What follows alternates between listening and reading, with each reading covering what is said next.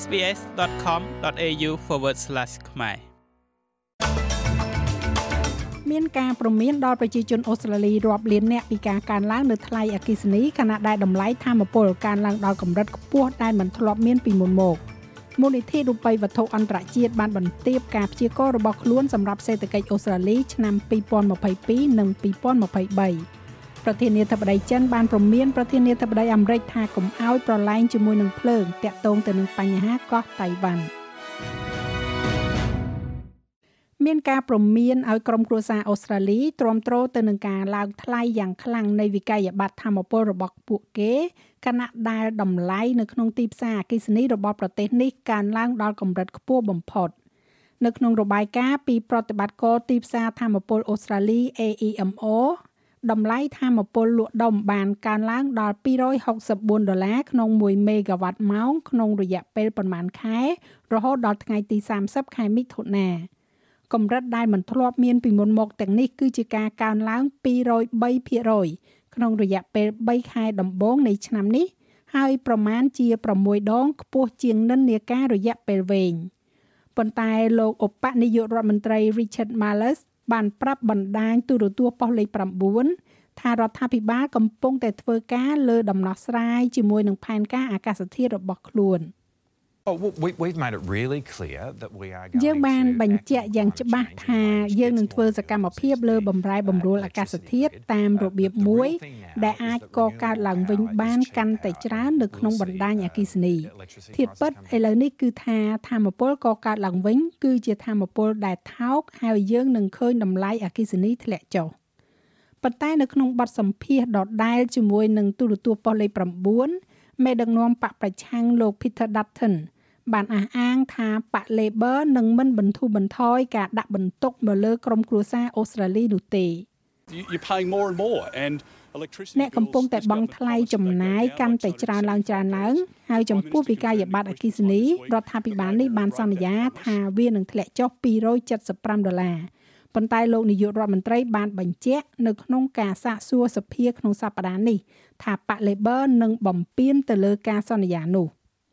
មូលនិធិរូបិយវត្ថុអន្តរជាតិ IMF បានបន្ទាបការព្យាករណ៍របស់ខ្លួនសម្រាប់សេដ្ឋកិច្ចអូស្ត្រាលីក្នុងឆ្នាំ2022និងឆ្នាំ2023 IMF ព្រមានដល់បណ្ដាប្រទេសនៅទូទាំងតំបន់អាស៊ីប៉ាស៊ីហ្វិកថានឹងត្រូវដំឡើងអត្រាការប្រាក់ដើម្បីទប់ទល់ទៅនឹងសម្ពាធអតិផរណាដែលកំពុងកើនឡើង ដោយសារព្រឹត្តិការណ៍នានាជុំវិញពិភពលោក មានទម្ងន់ធ្ងន់ទៅលើសេដ្ឋកិច្ចក្នុងតំបន់។ នៅក្នុងការធ្វើបច្ចុប្បន្នភាពចំពោះទស្សនវិស័យសេដ្ឋកិច្ចពិភពលោករបស់ខ្លួនមូលនិធិ IMF និយាយថាខ្លួនរំពឹងថាសេដ្ឋកិច្ចអូស្ត្រាលីនឹងកើនឡើង3.8%នៅឆ្នាំ2022មុនពេលធ្លាក់ចុះមកនៅត្រឹមកំណើន2.2%នៅឆ្នាំក្រោយនេះគឺជាជំហាននៃការធ្លាក់ចុះយ៉ាងខ្លាំងពីទស្សនវិស័យខែមេសារបស់ខ្លួន ដែល IMF បានព្យាករណ៍ថាកំណើនសេដ្ឋកិច្ចរបស់អូស្ត្រាលីនឹងកើនឡើង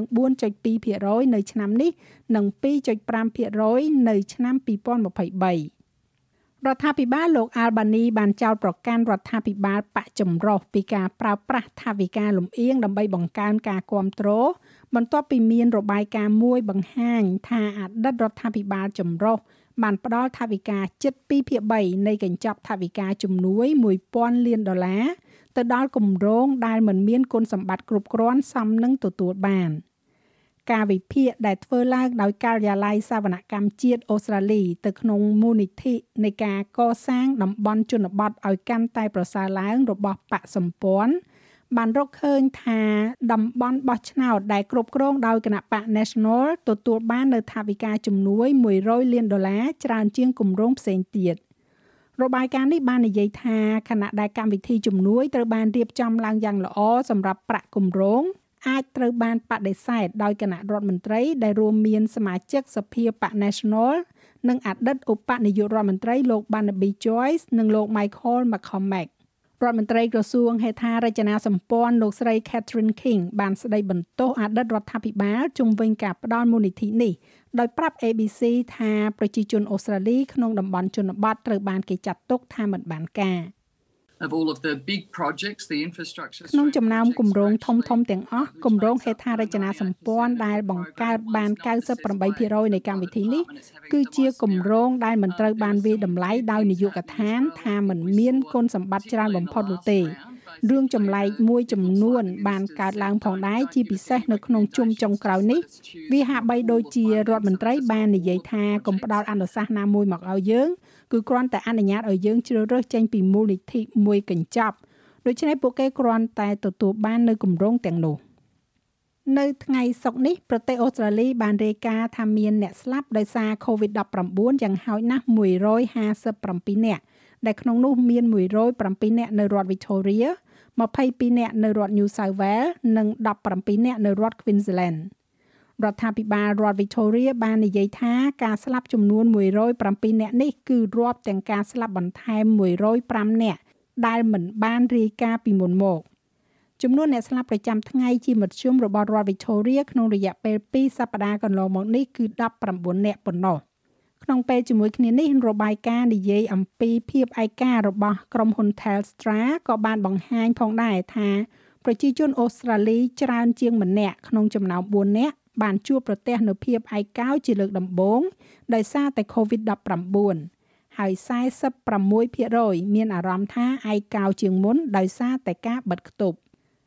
នៅឯបរទេសឯណោះវិញ ប្រធានាធិបតីចិនលោកស៊ីជីនពីងបានព្រមានប្រធានាធិបតីសហរដ្ឋអាមេរិកលោកโจ Biden ថាកុំឲ្យប្រឡែងលេងជាមួយនឹងភ្លើង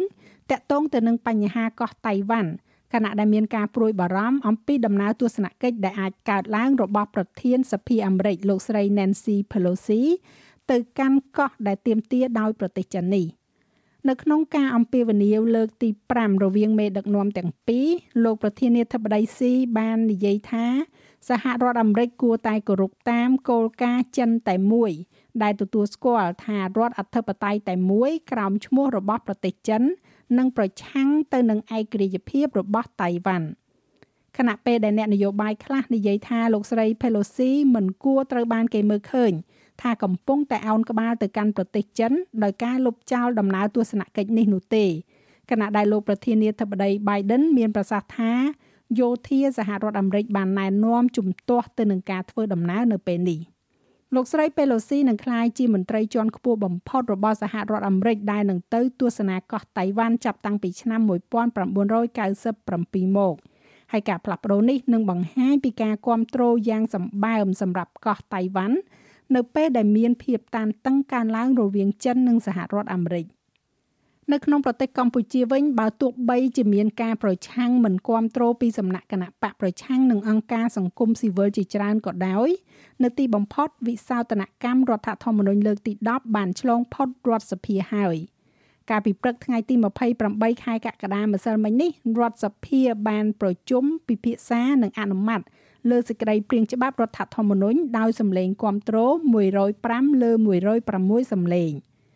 ក្នុងកិច្ចប្រជុំពេញអង្គរដ្ឋសភាលោកកើតរិទ្ធរដ្ឋមន្ត្រីក្រសួងយុតិធធតំណាងឲ្យរដ្ឋាភិបាលក្នុងនាមជាអ្នកការពារលើវិសោធនកម្មរដ្ឋធម្មនុញ្ញនេះបានលើកឡើងនៅតលហីកជាច្រើនជុំវិញការធ្វើវិសោធនកម្មពាក់ព័ន្ធទៅនឹងទស្សនវិជ្ជាច្បាប់និងនីតិវិធីផ្សេងផ្សេងការធ្វើវិសោធនកម្មលើកទី10នៃរដ្ឋធម្មនុញ្ញនាពេលនេះគឺមិនត្រឹមតែមិនប៉ះពាល់ដល់ប្រព័ន្ធប្រជាធិបតេយ្យសេរីភូប៉ានិងរបបរាជានិយមអាស្រ័យដោយរដ្ឋធម្មនុញ្ញ តាមបែបរបបសភានិយមប៉ុណ្ណោះទេប៉ុន្តែថែមទាំងបានរួមចំណែកយ៉ាងសំខាន់ក្នុងការលើកកម្ពស់ប្រព័ន្ធប្រជាធិបតេយ្យសេរីភូប៉ាដែលមានប្រជាប្រដ្ឋជាម្ចាស់អំណាចចាស់ឲ្យលោកមេងផាឡានឹងជួនសេចក្តីរាយការណ៍លម្អិតនៅវគ្គក្រោយបន្ថែមទៀតឬលោកអ្នកអាចចូលស្ដាប់របាយការណ៍ពេញលើគេហទំព័រ sps.com.au/ ខ្មែរ នៅក្នុងព័ត៌មានកីឡាបាល់ទាត់ FIFA បានបដិសេធរបាយការណ៍ដែលថាខ្លួនកំពុងថ្លឹងថ្លែងការសម្រេចចិត្តក្នុងការពន្យាពេលការប្រកួតបាល់ទាត់ពិភពលោកនារីនៅប្រទេសអូស្ត្រាលីនិងនូវែលសេឡង់នៅឆ្នាំក្រោយរបាយការណ៍មួយរបស់បារាំងនិយាយថាស្ថាប័នគ្រប់គ្រងនេះកំពុងតែស្វែងរកដោយសម្ងាត់នៅកិច្ចព្រមព្រៀងសិទ្ធិផ្សាយដែលរកកម្រៃបានច្រើនជាងមុនសម្រាប់ការប្រកួតនៅអឺរ៉ុប ដោយមានគោលបំណងរុញការបរិច្ឆេទចាប់ផ្ដើមនៃការប្រកួតចាប់ពីថ្ងៃទី20ខែកក្កដាទៅថ្ងៃទី20ខែសីហាឬក៏លើសពីនេះទៅទៀតការប្រកួតនេះត្រូវបាន ប្ររពកាលពីសប្តាហ៍មុនជាមួយនឹងការរាប់ថយក្រោយនៅសល់មួយឆ្នាំទៀតដែលត្រូវបានសម្គាល់នៅទូទាំងព្រឹត្តិការណ៍សំខាន់សំខាន់ជាច្រើនក្នុងប្រទេសអូស្ត្រាលី និងនូវែលសេឡង់ហើយអគ្គលេខាធិការ FIFA លោកស្រី Fatma Samura ស្ថិតនៅក្នុងទីក្រុង Sydney កាលពីសប្តាហ៍មុនដើម្បីចូលរួមកត់សម្គាល់ព្រឹត្តិការណ៍ដ៏សំខាន់នេះអ្នកនាំពាក្យរបស់ FIFA បានចេញសេចក្តីថ្លែងការណ៍ច្រានចោលរបាយការណ៍នេះដោយនិយាយថាគ្មានការពន្យាពេលដែលស្ថិតនៅក្នុងរបៀបវារៈរបស់ពួកគេនោះទេចំណែកឯអត្រាប្តូរប្រាក់វិញនៅថ្ងៃនេះ1ដុល្លារអូស្ត្រាលីមានតម្លៃប្រមាណជា70សេនដុល្លារអាមេរិកត្រូវនឹង2850រៀលប្រាក់រៀលខ្មែរ